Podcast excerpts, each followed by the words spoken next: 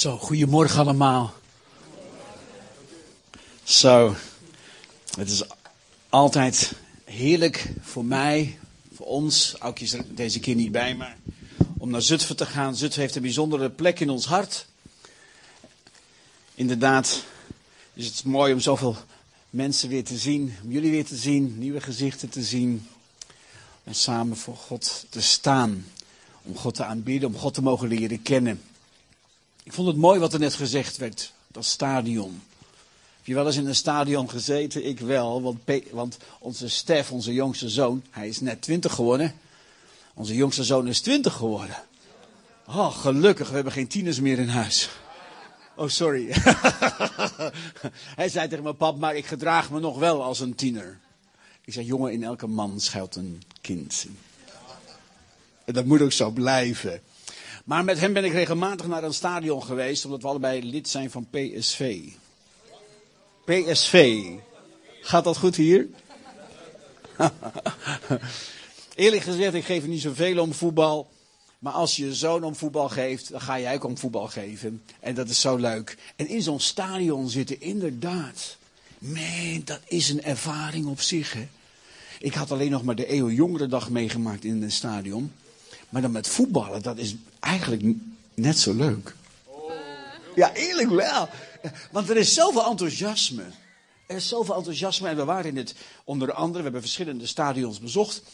En toen waren we in het PSV-stadion in Eindhoven.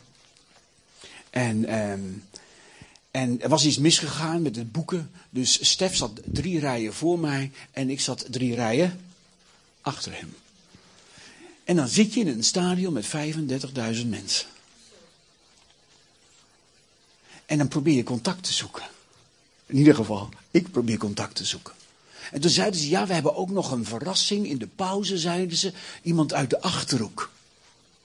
Ik kom uit de Achterhoek. Ik wist dat ik die verrassing niet was. maar ik zei heel enthousiast tegen de mensen die naast mij stonden. En we hadden al samen ge, gejuicht. Want het was na de eerste helft dat ze dat zeiden. En ik zei, nou, ik kom ook uit de Achterhoek, zei ik. Ik kom ook uit de Achterhoek. Ik heb toch even de naam Benny Joning laten vallen en zo. Maar die man die keek me aan en hij antwoordde niet eens. Hij antwoordde niet eens. We hadden samen voor PSV gejuicht, maar hij antwoordde niet eens. Dus je kunt in een stadion zitten met 35.000 man en je kan stik eenzaam zijn en je stik alleen voelen. Ik vond het mooi, wat, wat we net hoorden, dat er dan zo'n schijnwerper, ja, zo'n spotlicht door, de, door het stadion gaat op zoek naar die ene. Op zoek naar jou. En dat is eigenlijk ook mijn boodschap vanmorgen, eerlijk gezegd. Want ik heb het even opgeschreven. Er werd gezegd: kun je recht voor God staan? Kun je recht voor God staan? God zoekt jou. Hij wil je vinden. En je mag jezelf aan hem laten zien. Van God, hier ben ik. Maar durf je wel te zeggen: God, hier ben ik? Christian en Feiko en ik waren in Londen. Samen met, uh, althans jullie waren met je vrouwen, ik was alweer alleen. Maar ik had jullie gelukkig. En we waren daar op de Hillsong-conferentie. En op zondagmorgen, de Hillsong-conferentie was afgelopen. En op zondagmorgen zeiden we, wat gaan we doen?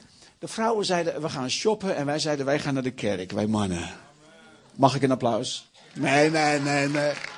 En we gingen naar Kensington Temple. Daar wilde ik altijd alles naartoe. Naar Kensington Temple. En toen sprak daar iemand uit Amerika. Dat wisten we helemaal niet. Dat was nog heel bijzonder. Want een van ons kreeg een persoonlijk woord ook nog. Dat was, het was goed dat wij naar de kerk gingen op zondagmorgen. Zo hoort dat, zeggen wij dan, als mannen.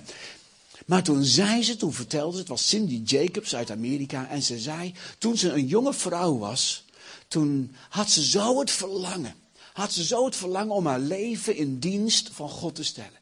Ze wilde zo graag de liefde die ze van God had ontvangen doorgeven aan anderen. En ze kende mensen die door God gebruikt werden, die door God ingezet werden. En ze was daar zo van onder de indruk en ze zei: God, dat wil ik ook. Ik wil door u gebruikt gaan worden. Ik wil door u ingezet worden. En toen vertelde ze dat ze gewoon s'morgens als jonge vrouw ging bidden en dat ze zei: God, hier ben ik. Hier, Laat uw spotlight maar op mij vallen. Op mij. Gebruik mij, Heer. Ga me niet voorbij. Zet me in. Niet mijn buurman, niet mijn buurvrouw. Ik, hier, hier moet u zijn. En ik zat te luisteren. En ik dacht, wow, wat een vrijmoedigheid. Durf je zomaar voor God te gaan staan en te zeggen, God, hier, hier moet u zijn. Niet daar, niet daar, niet hier, hier. Bij mij. Ik wil dat u mij gebruikt, dat u mij inzet. Ik wil dat u uw liefde uitstort in mijn hart. Dat klinkt ongelooflijk egoïstisch, maar dat was het niet. En God heeft haar gebed ook verhoord. Maar durf je zo vrijmoedig bij God te komen? En dat is eigenlijk een beetje het onderwerp misschien van morgen. We, zullen wel zien waar het eh, schip precies landt.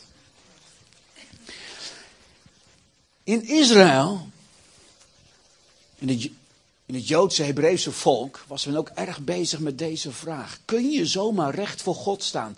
Want mensen voelen zich zondig. Mensen voelen zich zondig. Hoe weet je dat? Omdat je te maken hebt met schuldgevoelens. Want je verkeerde dingen hebt gedaan. Verkeerde dingen hebt gezegd. Of mensen die jou pijn hebben gedaan, jou kwaad hebben gedaan. Gezondigd hebben tegen jou. Je voelt je schuldig, je hebt schuldgevoel. Je hebt last van schaamte. Misschien wel ben je bang voor God geworden. Want ja, God is een heilig God. Als iets in Israël gepreekt werd, was het: God is een heilig God. En kan je daar zomaar recht voor God staan?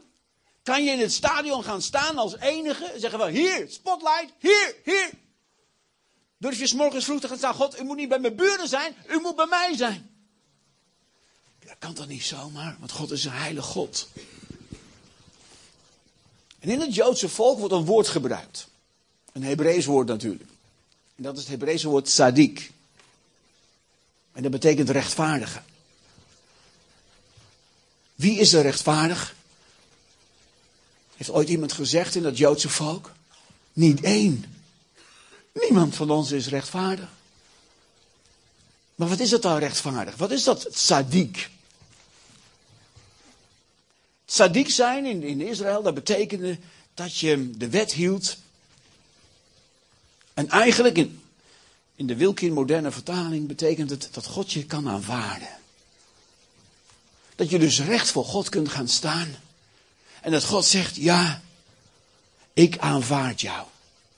Je bent goedgekeurd om zomaar bij mij te komen en voor mij te verschijnen. Wie kan er recht voor God staan? Dat was de vraag. Maar dat is eigenlijk ook de vraag van vandaag, dat is nooit veranderd. Hoe kan je rechtvaardig zijn? Nou, ik wil een paar teksten met jullie lezen om te beginnen. En de eerste, die staat in, dat is een tekst van Paulus in de Romeinenbrief, Romeinen 5, vers 17. Ach, ik heb heel veel lievelingsteksten, maar dit is er wel eentje van. Romeinen 5, vers 17. En ik val in halverwege. Paulus nogal van die lange zinnen heeft en daar hou ik niet van. Weet je waarom ik er niet van hou? Omdat niemand het begrijpt. Dus ik kort het even in. Romeinen 5, vers 17, daar staat. Veel meer zullen zij, die de overvloed van genade hebben ontvangen en het geschenk van gerechtigheid hebben ontvangen, leven en als koningen heersen door die ene Jezus Christus. Hier staat dat jij geroepen bent om als een koning te heersen in het leven. Door Jezus Christus. Je mag ook zeggen in Jezus Christus. Dit is de NBG-vertaling. Jij bent geroepen om een koning te zijn onder alle omstandigheden. Een koning regeert. De hond van de buren reageert. Je bent niet als de hond van de buren. Je bent niet de staart, zegt, zegt Mozes al. Als God zegt door Mozes in Deuteronomium 32. Hij zegt, jullie zijn niet de staart, jullie zijn de kop. Jullie zijn het hoofd. Je bent bestemd om te regeren in het leven. Door wie? Door de Heer Jezus Christus. Hij heeft het mogelijk gemaakt dat je niet reageert op de omstandigheden, maar dat je net als God regeert in de omstandigheden. En alle omstandigheden van je leven. Alleen hoe doe je dat? Door hard te proclameren, door heel veel te bidden, door heel erg uh, uh, veel Bijbel te lezen, door heel veel geld weg te geven voor banners en andere mooie zaken. Aan de armen. Hoe kun je als koning gaan heersen? Regeren in alle omstandigheden van het leven. Of je gezond bent of ziek bent. Of je veel op je banksaldo hebt staan of weinig? Hoe kun je in alle omstandigheden toch als een koning door het leven gaan? Dat zegt iets over wie je bent van binnen. Maar het zegt vooral iets van wat Jezus voor ons gedaan heeft. En dat wil ik jullie vanmorgen leren. En dan staat er, ik lees het nog een keertje. Jullie kunnen alleen maar als je de overvloed van genade ontvangt en het geschenk van rechtvaardigheid, verrechtigheid, dat is hetzelfde. Als je dat ontvangt, dan kun je als koning heersen. Dus je hebt twee dingen nodig om als een koning door het leven te gaan. Het eerste, overvloed van genade. En genade betekent heel simpel dat je dat ontvangt. Nee, dat je niet ontvangt wat je wel verdient. Ik zeg het fout. Genade betekent, ik heb eigenlijk straf verdiend, ik heb te hard gereden. En nu krijg ik de boete. Maar de genade is dat je de boete niet hoeft te betalen. Dat is genade omdat, omdat de politieagent gezien heeft, oh man, ja, hartstikke dom van mij. Ik ben verkeerd geweest, ik ben fout, ik heb spijt, ik heb berouw, ik had al iemand dood kunnen rijden. Oh, vergeef me. En wat zegt de politieagent? In de naam van de koning, eh, koningin, binnenkort koning, mag ik je de schuld kwijtschelden. Dat is genade. Geweldig. Al onze zonden zijn ons vergeven. Als we berouw hebben van wat we hebben gedaan. Dat is het wonder van het kruis. Maar gerechtigheid is nog wat anders. En er zijn christenen die leven van genade tot genade. Maar genade is niet, ik doe iets fout en God vergeeft het. Ik doe iets fout en God vergeeft het. Ik doe iets fout en God vergeeft het. Is dat als een koning door het leven gaan, dan ga je door het leven als een bedelaar. Als een armoedzaaier. Je regeert niet over de omstandigheden in je leven. Ja, ik worstel met porno. Ik struikel, vraag vergeving. Ik struikel en ik vraag vergeving. Ik struikel en ik vraag vergeving. Dat noemen we, je bent verslaafd. Je bent een slaaf van de zonde. Je bent niet vrij. Maar hoe kan je dan vrij worden? Nou, door genade. Dat is ook waar, maar niet door genade alleen. Je hebt nog iets anders nodig, zegt Paulus. En dat is het geschenk van gerechtigheid. Je moet nog een cadeau aannemen. Die politieagent die staat voor je die zegt, ja meneer, u hebt hard gereden. Ja, eerst heb je nog geen spijt. U had wel een hond kunnen overrijden. Nou ja, een hond, ja, ja. U had wel een kind aan kunnen rijden. Oeh, nou wordt het al erger. Och, mijn hemel, wat heb ik gedaan? U had uw mede, mede uh, bestuurders in gevaar kunnen brengen. Och, mijn, wat heb ik gedaan, zeg. En dan komt er berouw. En dan wordt de schuld vergeven. Maar dat is het niet alleen. Als het daarbij blijft, dan zeg je van nou gelukkig mijn zonden zijn vergeven. De schuld is me vergeven. God, ben ik blij zeg. Ja, en als ik weer struikel, hé, hey, ik zal vergeven worden. Want ja, God is een vergevend God. En de Bijbel zegt dat hij graag vergeeft. En als ik weer struikel, weer zondig en ik weer rij weer te hard. Nou ja, het wordt me toch wel vergeven. Maar dat is niet het leven als een koning die regeert in alle omstandigheden. En dat is wat Paulus zegt. En dat is het evangelie van Jezus. Daarom is Jezus gekomen. Je hebt iets meer nodig. Je hebt het geschenk van gerechtigheid nodig. Dat die politieagent zegt, nou, ik zie dat u berouw hebt. Uw schuld is u vergeven. Ik mag u dat geschenk van genade geven. Neemt u het aan? Ja. En de boete wordt verscheurd. Flats, flats. Maar ik heb nog wat voor u. En er komt een grote truck aanrijden. En in die truck zit een BMW, weet ik veel wat voor moderne wagen. Ik heb er totaal geen verstand van. Maar weet je, zo'n mooie grote BMW met zo'n voorwieldrijf. Dat vind ik nou een mooie auto. Zo'n zwarte, met alles erop en eraan. Leren, leren stoelen en, en, en, en, alle gekke dingen die je maar kan bedenken, die zitten erin. En hij zegt namens de koningin, mag ik u dit aanbieden? Ik zeg, mij aanbieden? Ik heb te hard gereden. Weet u hoe hard dit ding kan? 220. Daar ga ik niet in zitten. Ja, maar het is een geschenk van de koningin. Het geschenk van gerechtigheid. En als je daarin gaat stappen, ook al weet je nog niet eens wat het is. Je stapt erin, alles in die auto. Wow, doet je denken aan de goedheid van de koningin. Aan de goedheid van de koning. En als je daarin gaat bewegen, ook al weet je nog niet eens hoe het rijdt, al weet je nog niet eens hoe groot dat geschenk is, dan ga je ontdekken als je op weg gaat, hoe groot dat geschenk van gerechtigheid is. Wauw, maar wat is het dan gerechtigheid? Is het een BMW? Nee, het is veel meer dan dat. dat je recht voor God kunt staan. We gaan het lezen en dan is de volgende tekst was mijn Bijbel, Job 36 vers 7. Job 36 vers 7. Zomaar. Job, het boek dat gaat over lijden, over pijn, over moeite. Waar is God nou? Waar is God als ik hem zo hard nodig heb?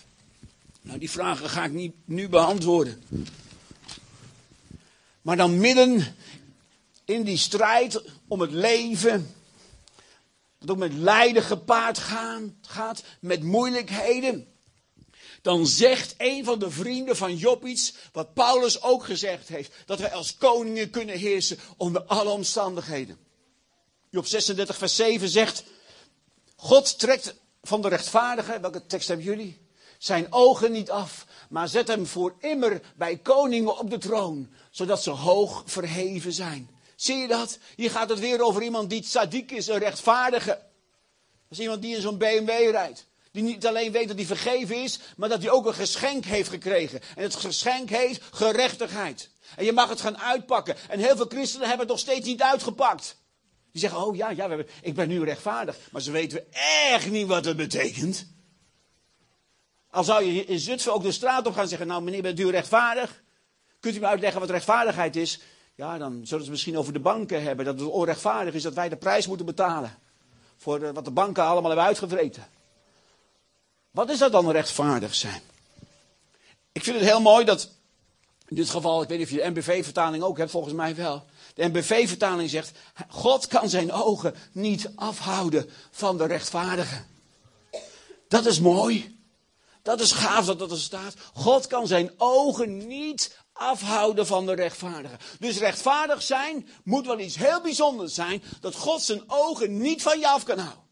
Dat hij op zijn troon in de hemel zit, naar beneden kijkt en zegt, wow, overal waar hij gaat. Kijk, kijk eens, kijk daar gaat hij. Wow, door de straten van Zutphen. En ik kan mijn ogen niet van hem afhouden. Wat is er in een rechtvaardige dat God zijn ogen niet van hem af kan houden? Zoveel christenen, vooral in het o zo Calvinistische Nederland. Waarin, we, waarin geleerd is dat God een strenge God is. De God die op je let. En je hoeft maar één, één stap over de strepen te zetten. Wauw, hij straft je hoor. Het is voorbij. En als je ook maar één wet overtreedt, dan heb je ze allemaal overtreden. Oh, jij arme zondaar. En oh, hoe kan ik recht voor God staan? Oh, het spotlight in de stadion. Maar niet op mij, maar niet op mij. Terwijl, terwijl hier staat, God kan zijn ogen niet van de rechtvaardige afhouden. Maar dan moet je wel weten, wie is er dan rechtvaardig? En hoe kan ik dan een rechtvaardige worden? hey, ik wil het cadeau wel aanpakken. Dat geschenk van gerechtigheid, dat is hetzelfde. Het geschenk van rechtvaardig zijn. Maar wat houdt het dan in en wat betekent het dan? Dat ga ik even met jullie bekijken. En ik noem gewoon een aantal teksten achter elkaar. Ik heb nagedacht over, hoe kan je nou, hoe kan je nou uitleggen wat rechtvaardig zijn betekent? En, en ik denk, voor mij de beste definitie is, iemand die rechtvaardig is, is door God aanvaard. En goedgekeurd. En jij keurt jezelf niet goed. En ik keur mezelf ook niet goed. Man, ik moest vorige week naar een filmpje kijken. We zenden onze vrij zijn weekend daaruit op Family 7. Dat wordt opgenomen. En ik moest een hele aflevering moest ik bekijken. Naar mezelf. Moest ik kijken naar mezelf. Dat was dan om een technische reden. Uh, en ik zag mezelf preken. En ik denk, man. Ik zei, oh nee, dacht ik. Ik zag al die dingen. En ik, oh. Ik denk, je wil niemand naar kijken, dacht ik bij mezelf. Ja, nou, ik weet dat het anders is. Ja. Maar we zijn soms zo streng voor onszelf. En we willen graag zo anders zijn dan we misschien zijn. Kun je jezelf goed? Heb je jezelf al goed gekeurd? Zeg je, ja, maar dat kan ook niet. Dat klopt ook. Maar luister, ik laat je zo meteen zien. Dat jij een rechtvaardige mag zijn in wat Jezus voor jou heeft gedaan. En in Jezus heeft God jou goedgekeurd en aanvaard. En als God jou heeft goedgekeurd, verdorie waag het niet om jezelf ook niet goed te keuren. Waag het niet langer om jezelf niet goed te keuren. Dat is niet trots. Dat is geen hoogmoed. Dat is dankbaarheid. Jezus, hebt u dat voor mij gedaan? Nou, we gaan het lezen. Rechtvaardig zijn betekent dus door God goedgekeurd en aanvaard. Nou, in Romeinen 10, vers 5, dat is de eerste tekst die ik lees, maar ik lees hem uit het boek. En dan, leren we iets. Er staat volgens Mozes bent u alleen rechtvaardig als u precies doet wat in de wet staat. Alleen dan zult u leven. Dus de Joden die hoorden, je moet sadiek zijn, je moet sadiek zijn, je moet rechtvaardig zijn. Je, hoe, hoe kun je recht voor God staan? Nou, als je precies aan de wet houdt. En wie zich aan de wet houdt, die wordt door God goedgekeurd. Wie zich 100% aan de wet houdt, die wordt door God aanvaard. Moet je moet je voorstellen dat je het elke zondag hier in Zutphen te horen krijgt. Als je precies aan de wet houdt, dan zal God je goedkeuren en aanvaarden. Dan wordt die juk, of die wet, die wordt een juk. Ze noemden de wet van God ook in Israël de, het juk van God. Maar een juk is positief. Een juk is positief. Het is niet iets dat je neerbuigt. Het is iets dat je voortrekt. Een juk is iets dat je in het goede spoor houdt. Zo'n dubbeljuk, die grote os en die kleine os. En de wet is de grote os. En jij bent de kleine os en de wet zal je leiden. De wet leidt je in het goede spoor. De wet is volmaakt. Want je kunt het uit jezelf niet. Het rotte was dat niemand in de tijd van Mozes de wet kon houden. Niemand. Nou had je een groep Joden, die noemden ze de Fariseërs. Fariseërs, die hadden een belangrijke taak in de synagoge. Ze bepaalden onder andere of jij in de synagoge mag komen of niet. En zij zeiden, jongens, je kunt de wet houden. Kijk maar naar ons. En ze leefden zeer wettisch. Alle wetten van Mozes, die Mozes het volk had gegeven, noemen we de Mosaïsche wetten. Want het was een volk, een slavenvolk. Ze kwamen uit Egypte. Ze hadden geen wetten, dus er, wetten, er moesten wetten gemaakt worden. Geen land zonder wetten. En Mozes heeft wetten gemaakt. En zij zeiden, je moet je aan alle wetten houden. Kijk maar, het kan. Kijk maar naar ons. En ze maakten hun gebedskwasten breder. En ze gingen op de hoeken en de pleinen staan als het gebedstijd was. Dat kiemden ze wel uit. En ze, ze deden net alsof zij de wet konden houden. Maar dat konden ze niet. Dat konden ze niet. En het juk van God, dat ooit bedoeld was om je in het goede spoor te brengen, de wet van God, werd echt een negatief juk. En Jezus komt dan later en zegt: Jullie leggen zelfs de mensen jukken op die jullie zelf niet kunnen houden. Man, wie kan er recht voor God staan? Weg met het spotlight. En dan een andere tekst, gelaten 5, vers 4. Jezus is gekomen. En dan staat er, NBV-vertaling, als jij probeert door God als een rechtvaardige te worden aangenomen, door de wet na te leven, dan ben je van Christus losgemaakt en heb je Gods genade verspeeld. Die mag je wel laten zien hoor, dat is wel een mooie namelijk. Gelaten 5 vers 4. Als jij probeert ja, rechtvaardig te worden, door de wet na te leven, dan maak je jezelf los van Jezus Christus. Dat is wat Paulus zegt. Dus je kunt niet door de wet na te leven, door God goedgekeurd worden. Door God aanvaard worden. Een andere tekst is Romeinen 3, vers 21. Jo, alsjeblieft, schrijf deze tekst op en lees het thuis nog eens na. Of koop straks de cd. Dit is één van de belangrijkste preken voor een christen. Wist je? Wist je dat, wat ik, wat ik nu predik? Romeinen 3 zegt, Paulus vers 21, het boekvertaling. Maar nu heeft God duidelijk gemaakt dat hij de mens buiten de wet om rechtvaardig maakt. Dat is revolutie. Eerst was het dat Mozes zei, je moet precies doen wat de, wet, wat, wat de wet zegt. Dan word je goedgekeurd, dan word je aanvaard. En dan komt Jezus en Paulus legt uit dat God je alleen maar rechtvaardig kan maken buiten de wet om. Dat is revolutie. Wauw. Nou, er zou veel over te zeggen zijn, maar ik heb nog zo'n mooie. Hoe heeft Jezus dat gedaan? En dat is een hele belangrijke. 2 Korinthe 5 vers 21. Schrijf het op. 2 Korinthe 5 vers 21. Want God nam Christus, die geen zonde gedaan had. En hij belastte hem met onze zonden. God nam Jezus. En hij legde jouw zonde op Jezus, die nog nooit een zonde heeft gedaan.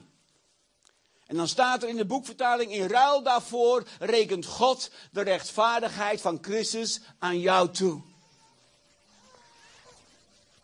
Willem van Sloten junior, ben je er? Kom eens hier. Kom eens naar voren. En Christian. Christian zei vanmorgen, ik heb vanmorgen niks te doen. Dat doen we dan even wat aan. Oké, jij mag nog even gaan, gaan zitten daar, vriend. Ik neem even Willem omdat Willem zo lang is. Dan kan je het allemaal goed zien. Toen Jezus stierf van het kruis.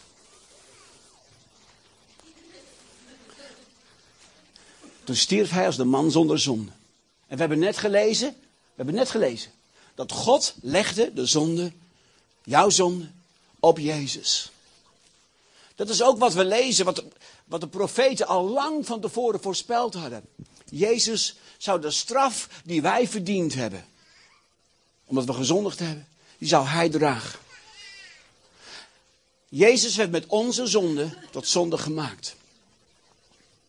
Dus God nam jouw zonde en legde die op Jezus. Dat is één.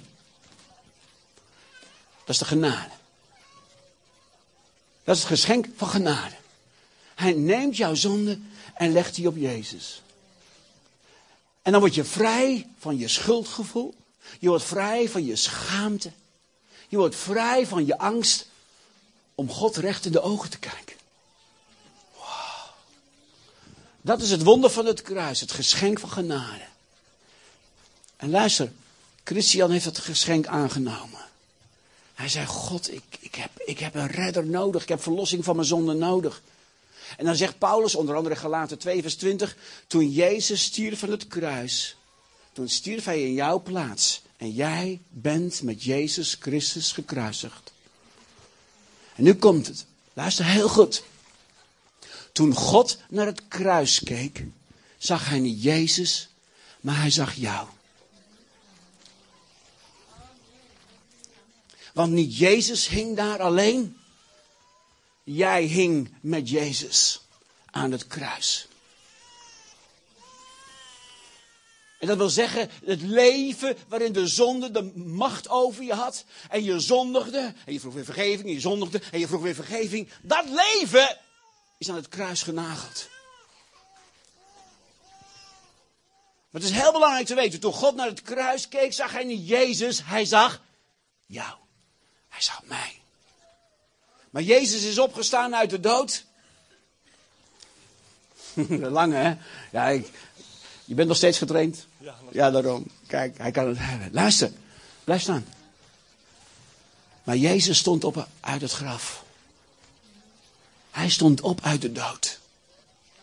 En die opstandingskracht van Jezus, die mogen wij leren kennen. En dat is het geschenk van gerechtigheid. Wat gebeurt er namelijk? Wij kunnen opnieuw geboren worden. Wij zijn met Jezus gekruisigd. Hoe kan ik dan doorgaan met het leven? Door opnieuw geboren te worden. En in Ezekiel 36, vers 26 is het al voorspeld. Dat dat hart vol van de zonde uit jou genomen zou worden. En dat je een nieuw hart zou krijgen en een nieuwe geest. Dat heet wederom geboren zijn. Wat gebeurt er? Het hart van Jezus klopt in jou. Een bovennatuurlijk wonder. Dat is het geschenk van gerechtigheid. De geest van Jezus woont in jou. Ezekiel heeft het geprofiteerd. Je krijgt een nieuw hart, een nieuwe geest. Het hart van Jezus en de geest van Jezus. Ze wonen en kloppen in jou. Dat is het geschenk van gerechtigheid. Maar nu komt het. Nu ben je opnieuw geboren. De geest van Jezus woont in jou. Die is uitgestort in jou. En als God nu naar jou kijkt, dan ziet hij niet jou. Dan ziet hij Jezus in jou. En daarom kan hij zijn ogen niet van jou afhouden. Snap je het? Dat is je geheim. Maar verdorie nog en toe, zoveel christenen leven niet in dat geheim. Ze wandelen er niet in. En dit is zo belangrijk, want laat maar eens zien waarom Paulus zegt, wij zijn in Christus. 164 keer heeft Paulus het erover. Je bent in Christus. Je bent in Christus. Je bent in Christus rein. Hoe kan ik nou rein zijn? Hoe kan ik rein voor u staan? In Christus ben ik rein, omdat als God naar mij kijkt, dan ziet hij de reinheid van Jezus. Hoe ben ik nu heilig? Omdat als God naar mij kijkt, dan ziet hij de heiligheid van Jezus in mij. Hoe ben ik dan rechtvaardig? Hoe kan ik recht voor God staan? Omdat als God naar mij kijkt, hij zijn ogen niet van me af kan houden, omdat hij Jezus in mij ziet. En zo kan ik met Jezus, nog mooier gezegd, in Jezus als een koning leven onder alle omstandigheden. Dat is mijn geheim. Juist weet ik, oh man, ik ben zo zwak. Ik ben zo zwak. En ik heb nog soms verkeerde neigingen. En ja, ik weet, ik kan nu kiezen. Vroeger kon ik niet kiezen. Vroeger was je slaaf van de zonde. Dus je zondigde, punt uit. En je wist niet beter. Maar nu kun je kiezen. Nu weet je wel beter. En Jezus woont in jou, zijn geest woont in jou. En hij zegt, wil ik je niet doen. En je kan luisteren en je kan gehoorzamen. En je kan nu nee zeggen tegen de zonde. Dat kon je vroeger niet, kan je nu wel. Nu kun jij nee zeggen tegen de zonde. Als jij weet wat het is om in Christus te zijn. Dus, je moet hem goed. Je moet één zijn. Het is één eenheid. Een eenheid. Toen Jezus aan het kruis hing en God keek, zag hij niet Jezus, hij zag jou. Je bent één in zijn sterven. Maar nu, als God nu naar jou kijkt, dan ziet hij niet jou, maar hij ziet Jezus. Precies omgekeerd. Je bent één met hem. En wandel maar. Wandel maar. Dat moet je leren. Dat moet je leren.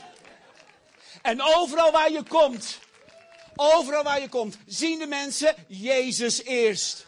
Zelfs als de duivel tegenover je staat. Om je te proberen te intimideren. Als jij weet, ik ben in Christus. De duivel ziet niet mij. Hij ziet Jezus in mij. Dat is het grote geheim. Niet van, oh, ik ben de superchristen. Ik ben de grote overwinnaar in alle dingen. Nee, ik ben zwak. Maar hij in mij, dat is mijn geheim. En ik wandel in Jezus, in Christus.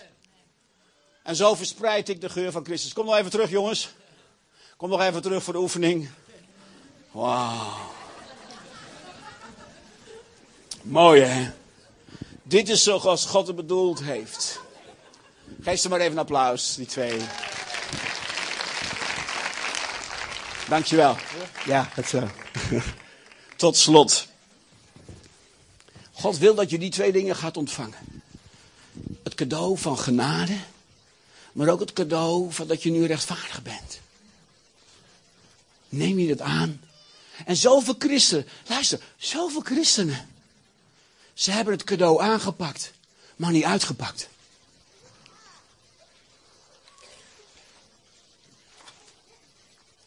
Ze hebben het wel aangepakt, maar niet uitgepakt. En ja, je hebt wel een leven lang nodig om te ontdekken hoe machtig mooi dat geschenk is van gerechtigheid. Dat je een rechtvaardige bent geworden. Tot slot dus, deze gemeente, toen we de gemeente stichten, ben ik begonnen met te prediken over het wonder van het kruis. En een aantal van jullie weten dat nog, jullie waren erbij. De zeven wonderen van het kruis.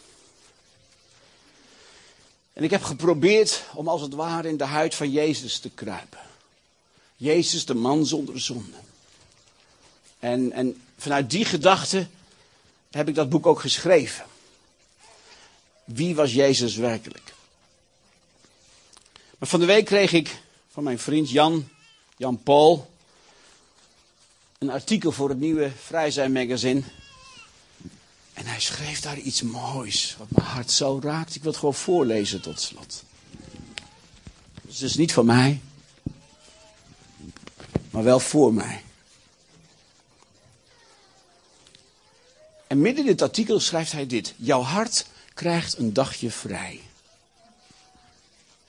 Stel dat Jezus op een dag in jouw huid zou kruipen. Dus dat is tegenovergestelde. Ik probeerde de huid van Jezus te kruipen. Wat voelde hij? Wat dacht hij? Hoe keek hij? Hoe liep hij? Hoe antwoordde hij? Hoe zorgde hij? Stel dat Jezus een dagje in jouw huid zou kruipen. Wat zou er dan gebeuren? Luister. Je wordt ochtends wakker en merkt dat Jezus in jou gekropen is. Hij loopt vandaag in jouw schoenen. Hij woont in jouw huis. En hij gaat naar jouw school of naar jouw werk. Probeer je eens voor te stellen dat Jezus gedurende een heel etmaal, 24 uur, jouw leven leeft. Vanuit jouw hart. Jouw baas wordt zijn baas. Jouw werk wordt zijn werk. En jouw kinderen zijn zijn kinderen. Alles wat je doet, wordt bepaald door wat hij belangrijk vindt. Zijn bewogenheid en liefde leiden jouw gedrag. Je beslissingen worden bepaald door zijn hartstocht. Kortom, jouw hart krijgt een dagje vrij. En je leven wordt die dag geleid door het hart van Christus. Zijn gedachten worden jouw gedachten. Zijn keuzes worden jouw keuzes. Wat voor iemand zou je dan die dag zijn? Wat voor iemand zou je zijn? Zouden de mensen in je directe omgeving een verandering zien? Zouden je gezinsleden, je collega's het verschil merken? Misschien zouden ze opeens een heel ander persoon ontmoeten. Wat zou het voor jezelf betekenen? Hoe zou je je voelen? Misschien werd je wel stabieler. Was je minder gestrest? Had je geen last meer van een ochtendhumeur? Hoe zou je naar de mensen om je heen kijken? Je zou je minder ergeren. Je zou je minder ergeren. Moet ik hem nog een keer lezen? Je zou je minder ergeren. En mensen niet zo snel veroordelen. Hoe zou je gedrag zijn? Misschien zou je wel stoppen met roken. Misschien zou je minder uitgaan. Niet meer naar de films kijken die je nu gewend bent te kijken. Je zou anders reageren in de file. Zou je nog zorgen maken? Misschien was je niet meer zo bang voor allerlei dingen. Je zou anders tegen het leven en zelfs tegen de dood aankijken. Als Jezus je hart een dagje overnam, wat zou dan in je agenda veranderen? Er is een grote kans dat je dag er heel anders uit zou zien. En dan zijn laatste zin. Maar wacht eens even. Is dit dan niet precies wat God bedoelt? Hij wil immers dat je net als Jezus gaat denken en handelen. De geest van Jezus woont in jou. Het hart van Jezus klopt in jou. Wauw. Het spotlight gaat door het stadion. En hoe reageer jij? Zeg je God, hier. Je mag recht voor hem staan. Ik vond het heel mooi. Ben je naam vergeten. Jolanda, wat je zei. Kun je recht voor God staan? God zoekt jou. Hij wil jou vinden. Laat jezelf zien. Zullen we gaan staan en bidden?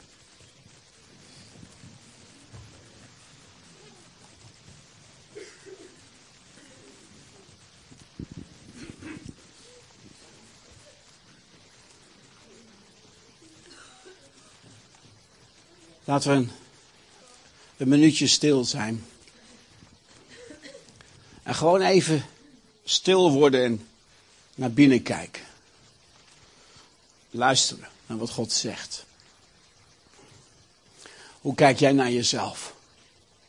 Ben je nog steeds bezig om goedgekeurd te worden door anderen? Hou er alsjeblieft mee op. Je wordt er niet mooier van. Je wordt er niet beter van. Het gaat erom dat God jou goedgekeurd heeft. In Jezus. Welke plaats neemt Hij in je leven in? Weet jij dat als God naar je kijkt, en dat doet hij, dat hij zijn ogen niet van je af kan houden omdat hij Jezus in jou ziet? Ben je je daarvan bewust?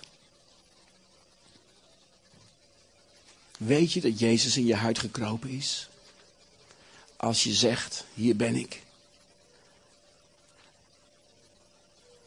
En ik wil u volgen met alles wat in me is. Niets meer van mij, alles van u. Dit is christen zijn. Al het andere is surrogaat. Al het andere leidt tot niets. Al het andere doe je uit jezelf. Laten we gewoon een moment stil zijn en naar onszelf kijken. En luisteren naar wat God tot ons zegt.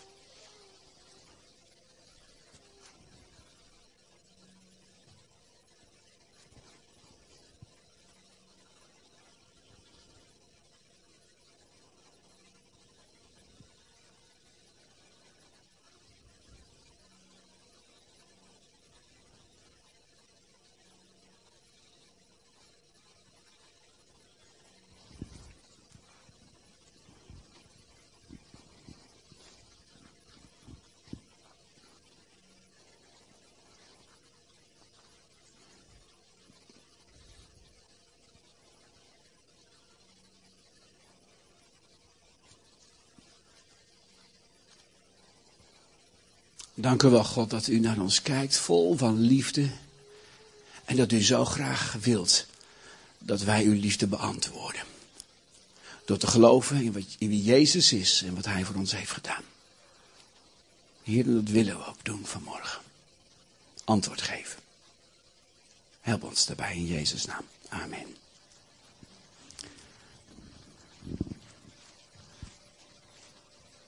Ik heb er een aan om te preken zonder een oproep te doen.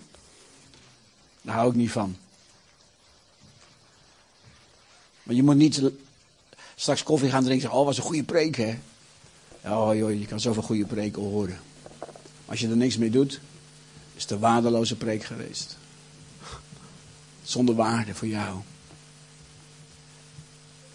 Dus hoe is het? Toen God naar het kruis keek, zag hij jou. Heb jij je leven aan Jezus gegeven? Dat is mijn eerste vraag. Of ga je voortmodderen? Met schuldgevoel, met schaamte en angst en noem maar op. En het tweede is, hoe kijk je nu naar jezelf? Misschien ben je christen geworden en weet je, ik ben vergeven. Maar heb je ook het cadeau uitgepakt? Dat God zegt, in Christus ben je rechtvaardig. Ben je bezig het aan het uitpakken? Ben je bezig het ontdekken? Dat verandert je leven. Als je dat hebt, joh, dan kan je zelfs in de arena gegooid worden voor de leeuwen. Je kan zingend naar binnen gaan. Dat deden de christenen. Die wisten wie ze waren in hem. Ze waren niet bang voor de dood. Hoe is het met ons? Hoe is het met jou?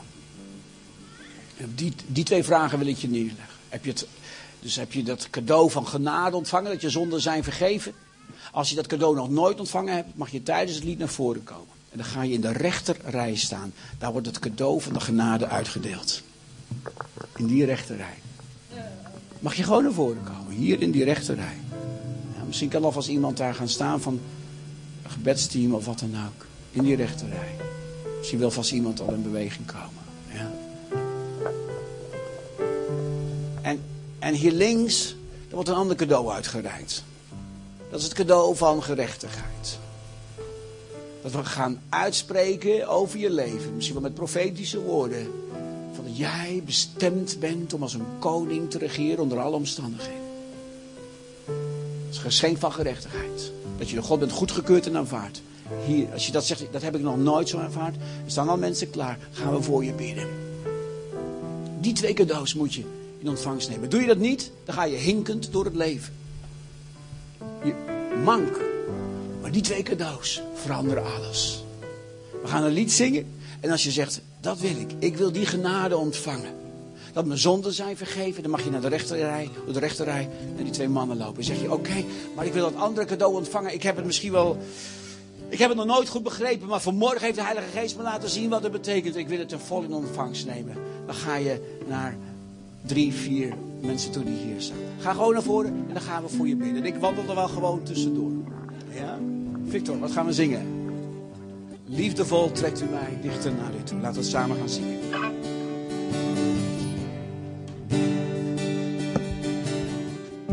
Liefdevol trekt u mij dicht aan uw hart. Als we samen